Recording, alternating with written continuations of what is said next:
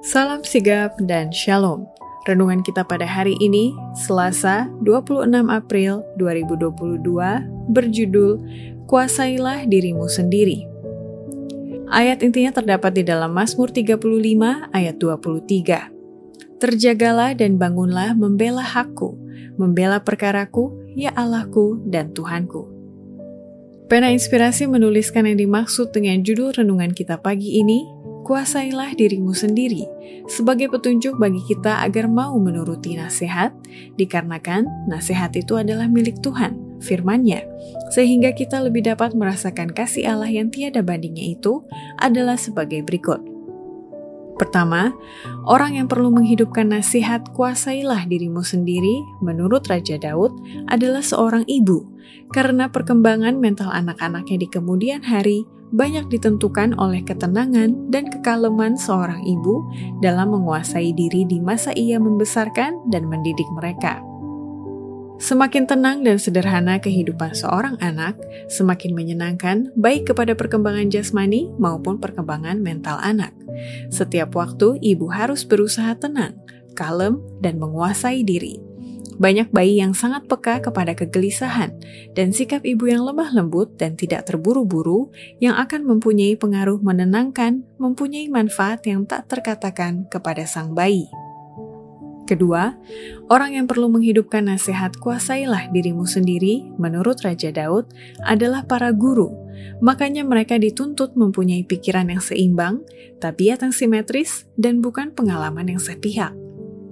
Para guru yang bekerja di bagian kebun anggur Tuhan ini perlu dapat menguasai diri, menjaga agar tabiat dan perasaannya tetap terkendali dan tunduk kepada Roh Kudus. Mereka harus menunjukkan bahwa mereka mempunyai pikiran yang seimbang, tabiat yang simetris, bukan pengalaman yang sepihak.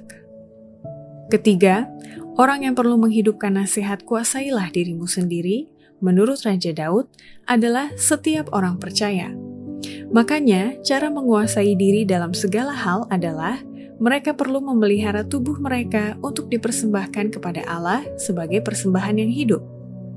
Paulus mendorong kita maju oleh mengatakan kepada kita bahwa tiap-tiap orang yang turut mengambil bagian dalam pertandingan menguasai dirinya dalam segala hal.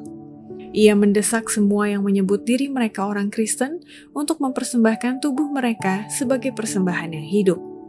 Ia berkata, "Tetapi aku melatih tubuhku dan menguasainya seluruhnya, supaya sesudah memberitakan Injil kepada orang lain, jangan aku sendiri ditolak."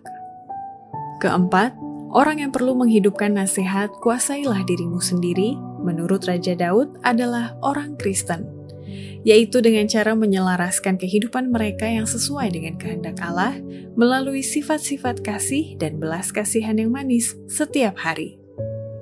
Demikianlah juga orang Kristen yang hidup selaras dengan Allah, yang memiliki sifat-sifat kasih dan belas kasihan yang manis, akan merasakan kemarahan yang benar terhadap dosa. Tetapi ia tidak dibangkitkan oleh hawa nafsu untuk mencaci maki orang-orang yang mencaci maki dia.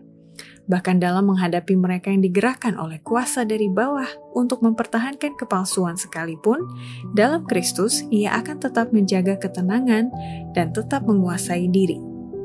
Demikianlah renungan kita pada hari ini. Kiranya Tuhan memberkati kita semua.